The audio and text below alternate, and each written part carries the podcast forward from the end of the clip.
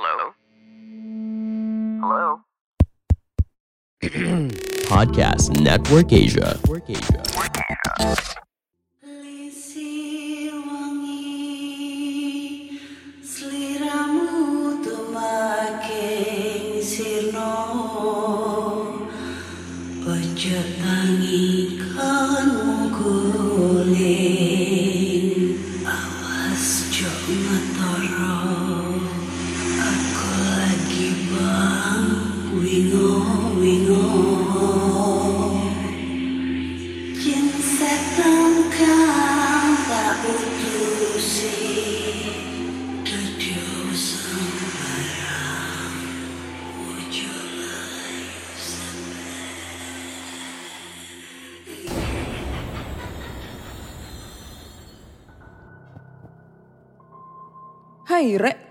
apa kabar Ketemu lagi dengan aku si Ana di podcast kisah horor. Dan di episode 125 ini aku akan bacakan cerita horor ataupun email berhantu yang sudah dikirimkan teman-teman melalui podcast kisah horor at gmail.com ataupun DM Instagram podcast kisah horor, DM Instagram Mana Olive, serta Google Form yang linknya tersedia di bio Instagram podcast kisah horor. Lalu di episode kali ini mungkin nggak pakai eh, opening ketawa dulu ya. Karena ini posisi gue lagi masih di sekolah ya, di tempat kerja. Masih sekitar jam 8, jam 9 malam. Lagi lembur cuy ya kan. Karena di sekolah lagi ada kegiatan ANBK selama dua hari. Yang dilaksanakan oleh kelas 11 untuk SMA, SMK. SMP-nya juga kelas 11, kalau SD-nya kelas 5. Ah, bentar dulu. Jadi mau nggak mau ya harus nyelesain kerjaan gitu ya. Terus di satu sisi lain pengen ini lain dari yang lain anjay. Aku tuh pengen banget sebenarnya dari dulu itu ngebacain cerita dari teman-teman nih, cerita horor tapi ngebacainnya itu di lokasi angker gitu. Karena pengen banget itu pada saat ngebacain horor atau ngebacain cerita horor gitu banyak banget interaksi-interaksi di lokasi tersebut yang menyahut. Mungkin ada suara benda jatuh. Mungkin pada saat aku cerita ada ketawa. Mungkin pada saat aku, saat aku cerita ada suara nangis atau suara orang jalan. Beuh, kayaknya anjir ada yang bersin lagi. Agak sesak bro, tapi udah sembuh covid. Jadi kayaknya itu kayak seru gitu loh kalau semisalnya ngebacain cerita horor itu di lokasi angker. Ya karena kendalanya mungkin satu, eh, masa iya gue harus gotong-gotong laptop gitu kan di rumah angker di mana gitu, gila banget anjir. Terus yang kedua ya setiap kita mau masuk lokasi angker, kalau dulu explore itu harus manjat pagar anjir. Kalau sekarang kan Ah, nggak tahu bisa apa nggak ya manjat. Secara berat badan udah naik. Terus yang berikutnya kenapa aku record di sekolah juga? Karena be, eh, seharian ini Telkomsel sama IndiHome lagi bermasalah cuy. Mau kirim WA nggak bisa, mau record juga nggak bisa, mau apa namanya update episode terbaru juga nggak bisa karena harus membutuhkan kuota. Sedangkan eh, wifi yang ada di rumah juga lagi error. Jadinya memanfaatkan wifi yang ada di sekolah karena nggak pakai IndiHome, pakainya Indo Mi ya, pakai Indomie gitu kan. Jadi lebih enak nih lancar gitu kan, mantep kayak gitu. Oke tanpa berlama-lama lagi mari kita bacakan cerita horor dari teman-teman semua. Dan cerita pertama ini datang dari email bentar mana ya? Oke, langsung aja kita bacakan ceritanya. Judul cerita kali ini adalah Ditindihi Pocong. Selamat malam semua, selamat malam Kak Ana. Aku akan bercerita sedikit untuk mengisi malam minggu kalian atau malam minggu Kak Ana. Karena aku kirim cerita ini pas di hari Sabtu. Syukur-syukur kalau dibacain pas malam minggu. Oh tidak mungkin. Karena saya ngebacanya di malam Selasa dan malam Rebo. Eh malam Kamis. Aku akan menceritakan kisah yang menurutku paling seram dalam hidupku. Yaitu ditindihi pocong. Pocong merupakan hantu yang paling ditakuti semua orang. Bahkan anak indigo pun merasa takut dengan hantu yang satu ini. Kisah ini dimulai dari malam hari sekitar jam 9, kurang lebihnya. Aku sudah persiapan untuk tidur. Akan tetapi, aku masih menginginkan untuk main handphone. Aku sedikit sayup-sayup karena adanya suara HP. Aku mendengar ada seorang yang sedang berbicara atau mengobrol dengan jumlah yang banyak. Sekitar 5 hingga 10 orang. Suara tersebut semakin kencang semakin kencang hingga terdengar di sebelah tembok kamarku pikir tetangga. Karena sebelah kamarku ada tembok yang digunakan untuk membatasi wilayah rumahku dan tetangga. Pasti itu tetangga lagi ngumpul atau ada tamu. Pikirku sambil lanjut main HP. Makin lama makin berisik. Aku menaruh HPku di atas meja dan persiapan untuk tidur. Tidak terlupa mematikan lampu. Dari sinilah ceritaku bermulai. Aku pun tidur. Entah kenapa aku membuka mataku lagi. Dan aku melihat seonggok pocong mau masuk ke jendela kamarku. Dia masuk didahului kepala, setelah itu kakinya ikut masuk. Setelah masuk, setelah masuk, aku melihat pocong itu berdiri di atas tempat tidurku. Karena aku takut, aku ingin eh karena aku takut mana nih? Karena aku takut, aku ingin bergerak dan berteriak minta tolong tapi tidak bisa. Aku belum sadar kalau itu ketindihan. Aku hanya bisa berdoa dan meminta hantu tersebut hilang. Bukannya hilang pocong tersebut, tiba-tiba menindihi tubuhku. Hingga kepala dan mukanya pas di atas mukaku. Hanya saya, eh hanya saja pocong tersebut tidak mempunyai muka. Jadi hanya kain kafan yang berbentuk pocong. Pas dia di atas mukaku dan kami saling tatap-tatapan, kepalanya mengangguk-mengangguk hingga tali pocongnya menempel di mukaku. Aku sudah tidak kuat lagi. Aku mengibaskan tubuhku dan akhirnya aku bangun dari ketindihan. Badanku dan jantungku seperti orang maraton berkilo-kilo. Setelah itu aku kamar mandi, cuci muka, dan tak habis buat berdoa. Hingga subuh hari baru bisa tertidur lagi.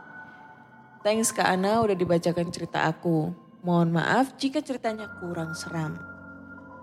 Oke, okay, thank you buat ceritanya. Saatnya kita berkomen ria untuk masalah cerita yang satu ini ya. Jadi, menurutku sih untuk cerita kali ini gimana ya? Mungkin halu kali ya, halu. Kenapa gue bisa ha bilang halu nih ya?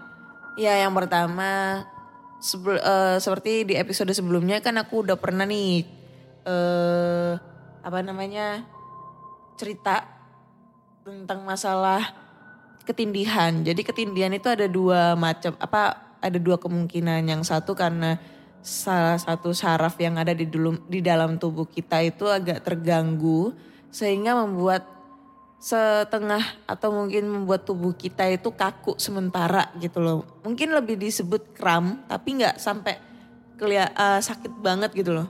Lebih ke kaku gitu aja nggak bisa gerak sama sekali. Nah itu pernah nih dibahas lupa gue yang ngebahas siapa terus gue ngebahas di podcast di episode sebelum-sebelumnya nih gue lupa episode berapa. Terus yang kedua Bisa jadi itu kemungkinan eh, benar-benar adanya gangguan nih ya. Tapi dari cerita yang aku aku bacain ini, ini posisinya pocongnya nggak kelihatan mukanya, hanya ketutupan pakai eh ya pokoknya ketutupan agak-agak ya ketutupan semua lah anjir lah gue bingung ngomongnya. Ketutupan semua. Jadi kemungkinan nih kayaknya lu halu deh. Halu terus eh mikirnya apa ya mungkin lu lagi mimpi nih. Mimpi yang kebetulan mimpinya tuh ketemu pocong terus abis itu guling lu lu punya guling tapi gulingnya tuh nggak nyerupain pocong jadi kayak berasa lu bertengkar di pocong di atas lu gitu loh.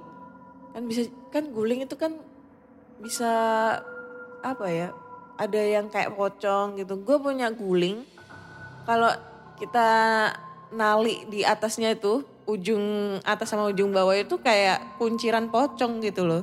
Nah itu bisa jadi guling lu itu seakan-akan jadi pocong lu nya halu ngimpi. Jadinya itu kayak apa ya ngigo gitu loh ngigo. Terus berasa kalau guling lu itu pocong. Nah itu bisa jadi anjir. Gue udah pernah tuh sering banget kayak gitu anjir oh tidak tidak tidak pocong. Jangan jangan ganggu aku. Eh ternyata guling anjir beneran gue udah pernah itu udah berapa kali ya? Sekali dua kali lah.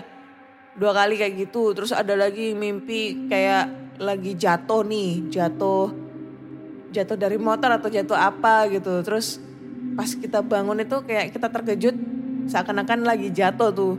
Itu pernah itu sering banget itu kayak gitu. Mungkin kalian pernah deh kayak ngalamin kayak gitu. Jadi kalau kayak kalian itu berasa kayak jatuh tapi lagi ngimpi tapi kerasa banget gitu loh jatuhnya sampai kita kaget kebangun. Nah itu. Itu kayaknya salah satu dari eh, apa ya mimpimu waktu itu. Oke. Serem kurang kurang serem ya. Next kita lanjut ke cerita berikutnya Cerita berikutnya ini judulnya Mengantar Hantu Punden Pulang. Hantu Punden apa nih? Selamat malam Kak Ana. Selamat malam semuanya. Langsung aja ke topik ceritanya nih Kak ya. Nah, singkat cerita, cerita ini dialami oleh adik saya. Malam itu adalah malam minggu. Sudah rutinitas bagi anak-anak muda yang suka jalan-jalan saat malam minggu. Ceritanya diawali jam 9 dan adik saya masih bercanda tawa dengan temannya. Berhubung temannya tidak membawa motor, terpaksa adik saya yang mengantarkannya karena rumahnya juga searah. Sekitar jam 10 malam teman adik saya berpesan, jangan lewat bawah pohon itu ya, Mending lewat jalan yang sana, walaupun jaraknya agak jauh. Lalu adik saya menjawab, Ah, gak masalah. Banyak orang kok yang lewat. Tempat yang dilarang oleh temannya adalah hutan dan ada punden atau sendang. Oh, anjir, gue baru tahu anjir. Tempat tersebut kalau siang digunakan untuk mandi bagi orang setempat.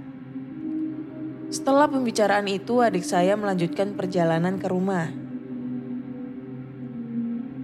Apa ini? Kurang men- kurang lebih apa nih? Oh, dengan keadaan masih memikirkan perkataan temennya, tiba-tiba dari depan ada cewek kira-kira berumur 24 sampai 25 tahun menghentik memberhentikan adik saya dengan keadaan terburu-buru. Mas, bisa mengantarkan saya pulang? Dalam bahasa Jawa ngomongnya nih kak, tapi aku translate bahasa Indonesia ya. Lalu adik saya tak em, nanya, siapa namamu? Si cewek tersebut ngejawab, Wulandari. Cewek itu memang cantik, tetapi agak pucat dan memakai baju kebaya. Tetapi adik saya tidak terlalu menggubris pikirannya.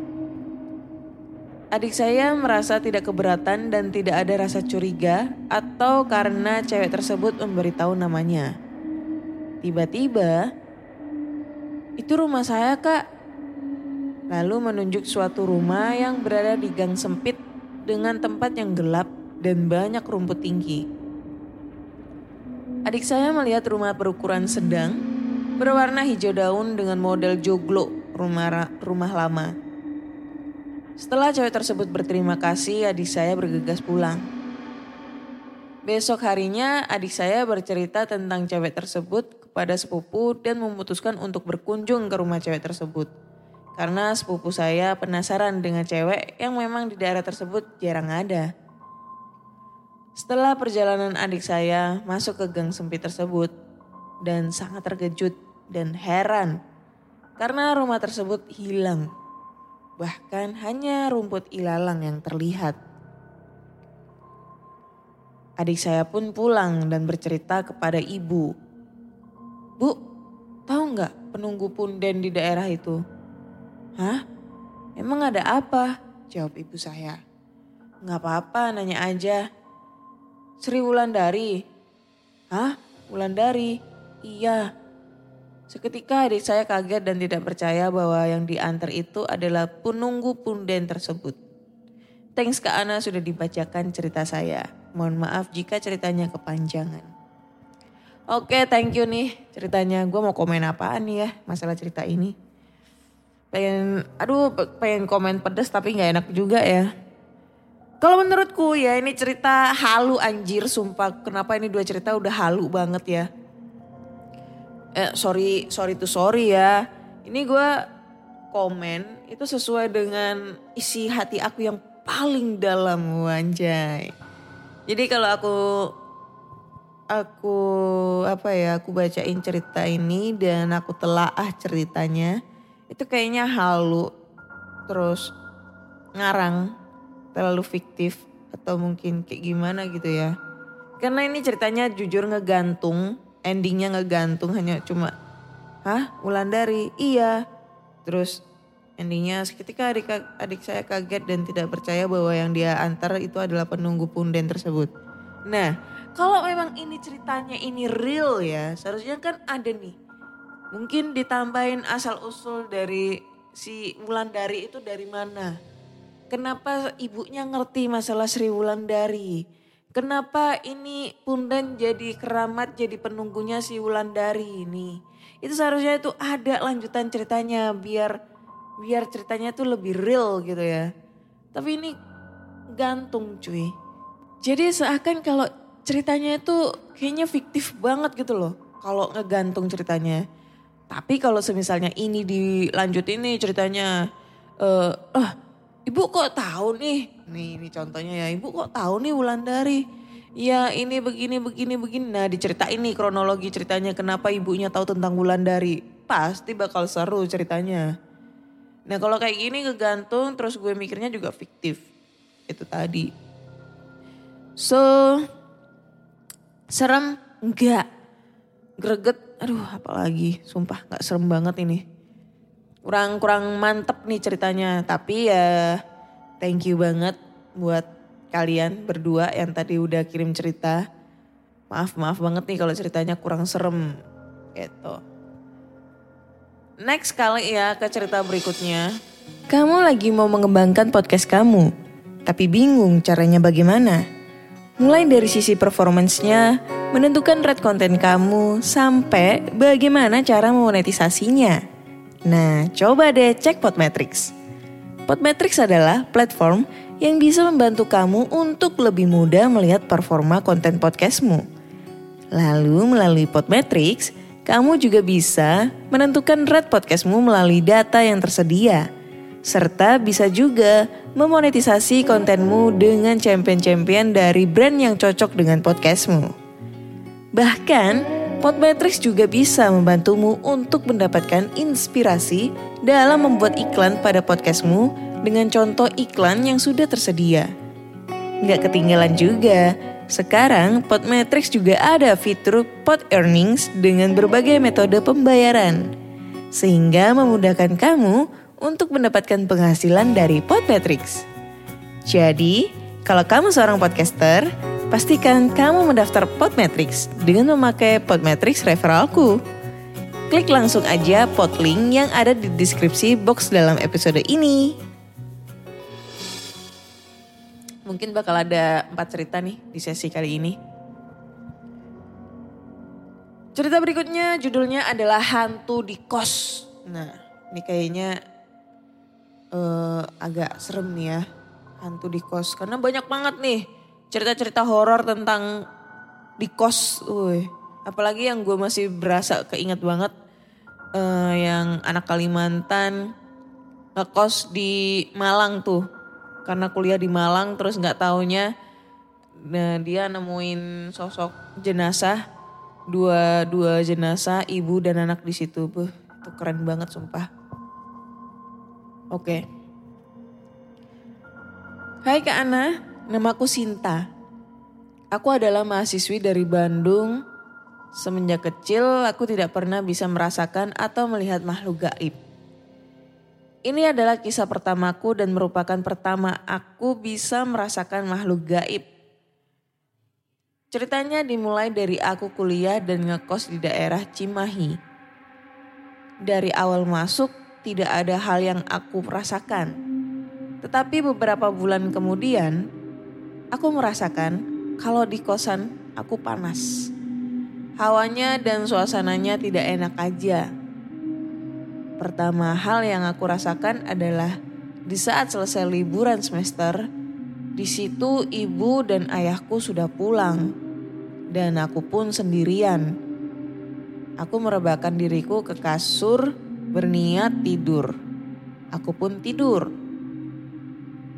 Di dalam tidur aku, aku bermimpi kalau ada kakek yang sangat tua menghampiriku dan berkata, "Yang tenang di sini ya, Nak," dengan bahasa Sunda. Awalnya aku tidak tahu kakek itu berbicara apa karena aku orang Jawa. Aku pun ingat apa yang dikata eh, ingat-ingat apa yang awalnya eh ingat-ingat apa yang dikatakan Lalu aku tanya ke temanku dan artinya pun begitu. Mungkin itu hanya mimpi, pikirku. Malam pun tiba dan aku bermimpi dengan yang sama. Dengan apa yang aku mimpikan tadi siang. Aku pun tidak menganggap serius hal itu. Besoknya aku ke kampus. Sekitar jam 2 siang aku sudah pulang. Saat pulang, Aku pun melepas sepatu dan betapa kagetnya. Aku pun belum memegang kunci kosan. Akan tetapi, tiba-tiba pintu kosan aku terbuka sendiri tanpa ada yang memegangnya. Aku memanggil teman yang sekos. Saat itu agak takut mau balik ke kamar tapi aku memberanikan diri untuk balik ke kamar aku. Di malam hari tidak ada hal yang aneh. Sekitar jam 8 malam, aku pergi membeli air ke warung. Pas nyampe kamar kos, aku pun kaget. Karena teman sekosan aku agak bingung dan panik. Setelah itu aku pun bertanya, Kenapa? Tadi, tadi, tadi, dengan gugup. Setelah bercerita, aku pun malah semakin merinding. Menurut teman aku, saat aku keluar, di dalam kosanku terdengar suara orang nyanyi Jawa, kenceng sekali. Si teman aku berniat menegurku karena berisik. Pas dia keluar hendak masuk ke dalam kamarku, jadi dalamnya kosanku agak kelihatan sedikit uh, dari luar. Dia melihat orang tua atau kakek-kakek dari jendela sedang menari-nari dan menyanyi lagu Jawa. Dia pikir itu aku yang berniat bikin video. Pas dia mau buka pintu, aku pun datang menegurnya dari belakang. Ada apa di sini kataku? Hah? Lalu aku buka pintu dan kakek itu pun sudah tidak ada lagi. Wanjay, ceritanya ngegantung lagi anjing. Tiga cerita, ceritanya ngegantung, sumpah. Maksudnya endingnya endingnya kayak gimana gitu loh anjir. Kurang klimaks banget. Jadi ini eh, si Sinta lagi kuliah di Bandung dan ngekos di daerah Cimahi ya kan. Terus eh, pertama dia tuh mimpi nih, mimpi kakek-kakek yang dia bil si- yang kakek itu bilang yang tenang ya di sini ya nak gitu. Nah ini maksudnya yang tenang apa? Tenang di sisi, di sisi Tuhan, tenang di di sisimu, tenang di sisi kakek, kakek Sugiono atau gimana nih? Gua nggak tahu ya. Nah Terus kedua dia mau eh dia keluar tuh mau ya pokoknya keluar. Terus teman sebelah kosnya, sebelah kamarnya itu ngedenger nih di, di dalam kamar kosnya si Sinta ini ada suara orang nyanyi, nyanyi lagu Jawa keras banget. Nah niat hati si temennya Sinta ini mau negur karena berisik nih. Nah pas dilihat ternyata dia ngelihat ada kakek-kakek lagi nari cuy sambil nyanyi-nyanyi. Ini gue nggak kebayang nih kakek nari sambil nyanyi-nyanyi. Nah narinya kayak gimana nih anjir? Nyari nari joget-joget nyanyi mendung tanpa udan atau nari jaipongan gue nggak tahu nih. Kalau bias karena sebiasanya itu yang identik nari-nari itu cewek. Nari jaipong kek atau mungkin nari lenggak-lenggok yang centil-centil. Nah, itu masih masih masuk akal. Tapi kalau kakek yang nari nih kayak gimana anjir modelnya? Gue ngebayangin gitu. Aneh kayaknya. Nah, itu udah. Lah, yang jadi endingnya anjir cuma bilang ada ada apa di sini? Hah? Muka panik. Lalu aku buka pintu dan kakek itu pun sudah tidak ada lagi. Aku pikir ceritanya bakal seru nih. Gitu loh. Jadi kayak bakal keren banget nih ceritanya. Secara judulnya adalah kos di hantu, kosan hantu gitu loh. Karena setauku kalau kos-kosan berhantu tuh ceritanya rata-rata keren nih. Soalnya banyak banget nih pen- eh, pendengar sebelumnya yang cerita tentang masalah dihantuin di dalam kos. Tapi ya sudahlah. Agak sedikit kecewa karena tiga cerita kali ini sedikit ngegantung semua. Anjay. Next mungkin kita tambah satu cerita lagi ya dan semoga di cerita terakhir ini nggak ngegantung anjing ceritanya ya. Oke. Kita lihat dulu, bentar dulu.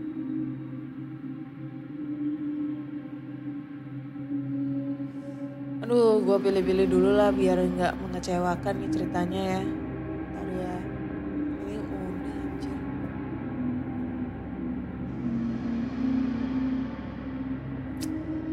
Galau sumpah. Ini aja deh. Oke, cerita terakhir nih, cerita keempat.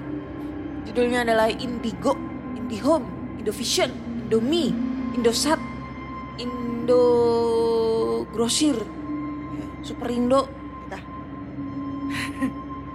Oke. Halo Kak Ana, namaku Mayang. Aku kuliah di salah satu akademian yang menganjurkan adanya asrama di dalamnya. Aku akan menceritakan sedikit pengalaman seramku saat berada di asrama selama empat bulan. Awal cerita saat terjadi insiden menyeramkan yang menimpa mahasiswa-mahasiswi di sini, ya kesurupan lah. Nah, kesurupan waktu itu sangatlah mengerikan. Lebih dari 20 orang yang mengalaminya. Penyebabnya mungkin dari kondisi anaknya yang sering melamun atau memang tempatnya yang sudah berdiri pada penjajahan Belanda. Mulai jam 11 hingga fajar tidak ada yang bisa tidur karena hal tersebut. Bahkan kami dibawa ke masjid untuk berlindung. Semua kegiatan kampus dan kegiatan apa pun dihentikan sementara untuk pemulihan dari trauma terjadi kejadian tersebut. Tiga hari kemudian keada keadaan pun sudah kembali normal. Tapi bagiku hari sesudah kejadian itu membuat aku agak takut. Ceritanya, pada saat kami, rombongan mahasiswa-mahasiswi ke lapangan hendak olahraga, tiba-tiba aku melihat nenek lengkap dengan pakaian Jawa, kebaya, berwarna hitam papas, papasan atau bersimpangan dengan kami. Wajah nenek atau wanita tersebut tidak jelas, tetapi aku masih terngiang.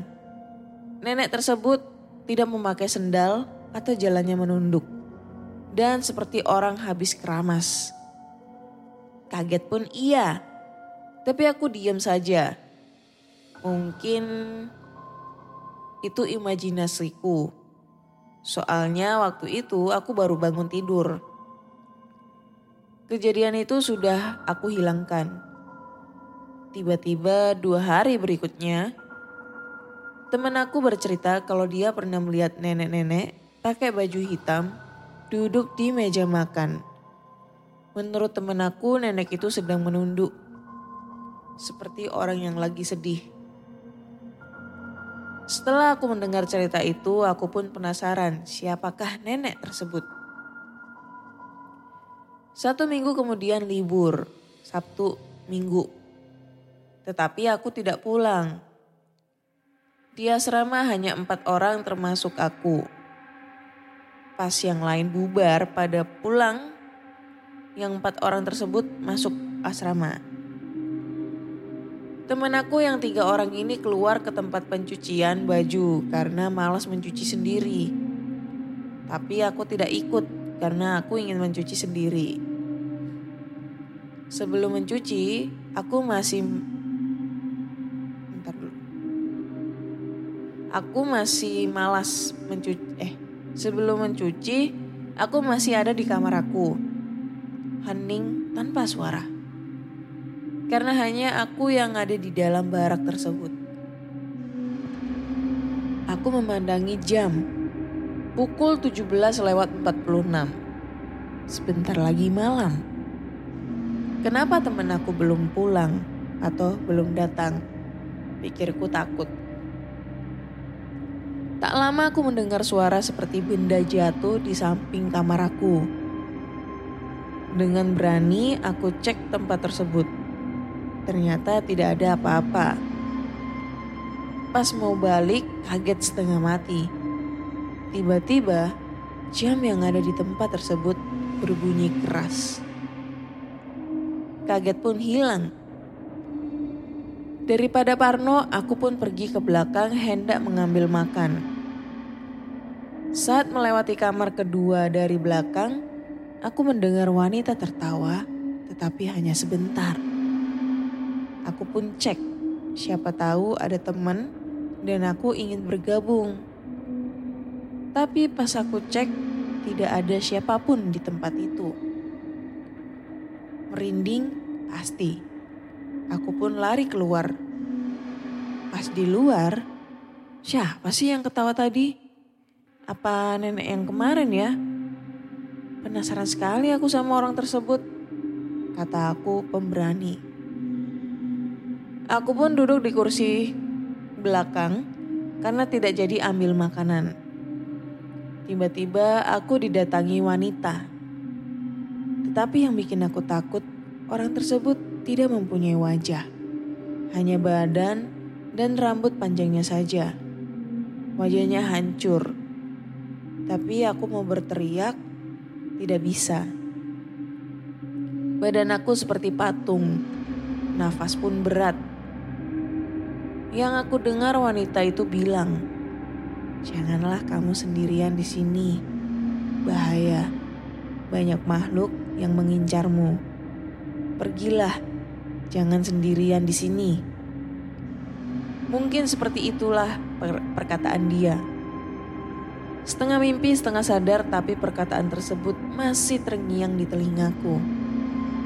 Akhirnya, aku ke dapur dan aku melihat wanita yang ada di mimpiku di atas lemari dapur.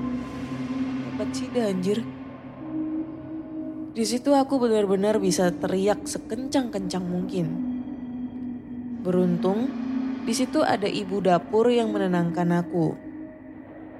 Tak lama setelah kejadian itu temen aku datang dan menanyakan apa yang terjadi.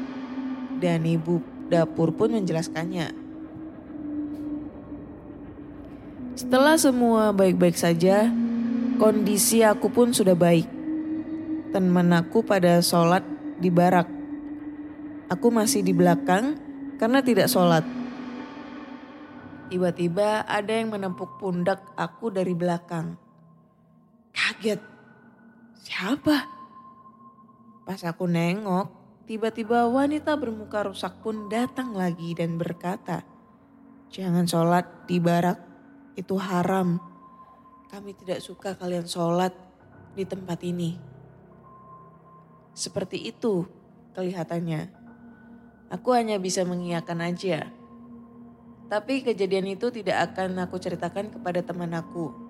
Karena aku takut mereka akan gelisah dan merasa parno. Aku pun pergi ke kamar dan berpikir mengapa aku harus hidup melihat makhluk-makhluk tersebut. Aku ingin terlihat normal seperti yang lain. Kejadian demi kejadian yang aku alami ini mungkin ada hikmahnya. Thank you Kak Ana sudah dibacakan ceritanya.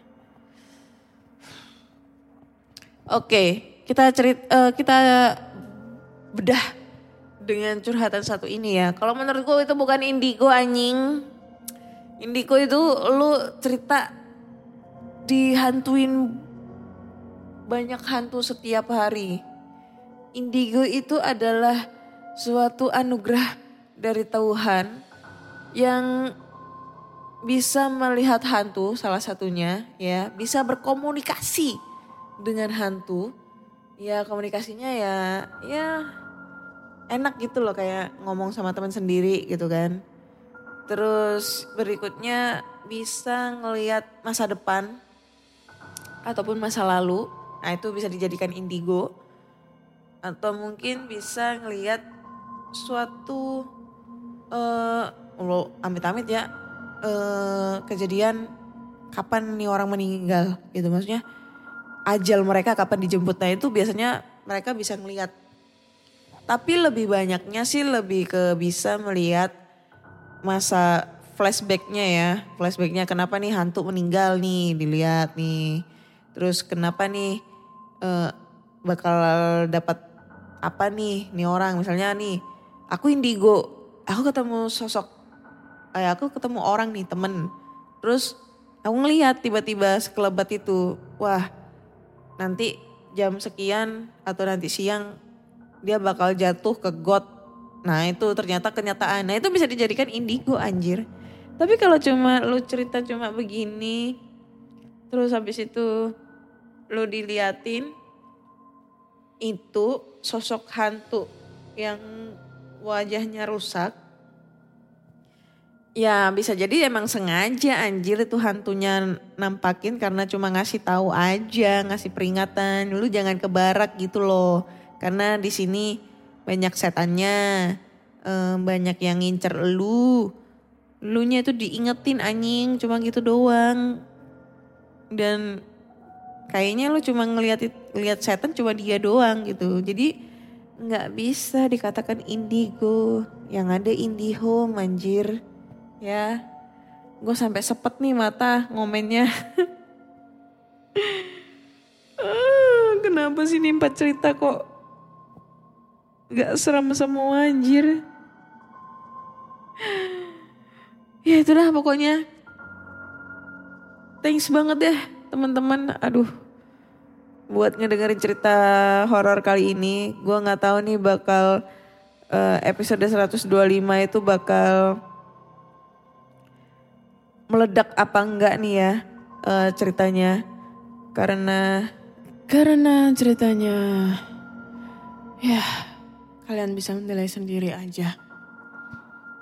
Jadi aku cerita di lokasi angker kali ini nggak merasa angker, nggak merasa merinding, nggak merasa takut, nggak merasa horror banget ah. Oke deh, kayaknya cukup sekian dulu. Udah empat cerita nih yang udah aku bacain. Jadi thank you banget buat teman-teman semua yang udah kirim cerita ke podcast kisah horor at gmail.com.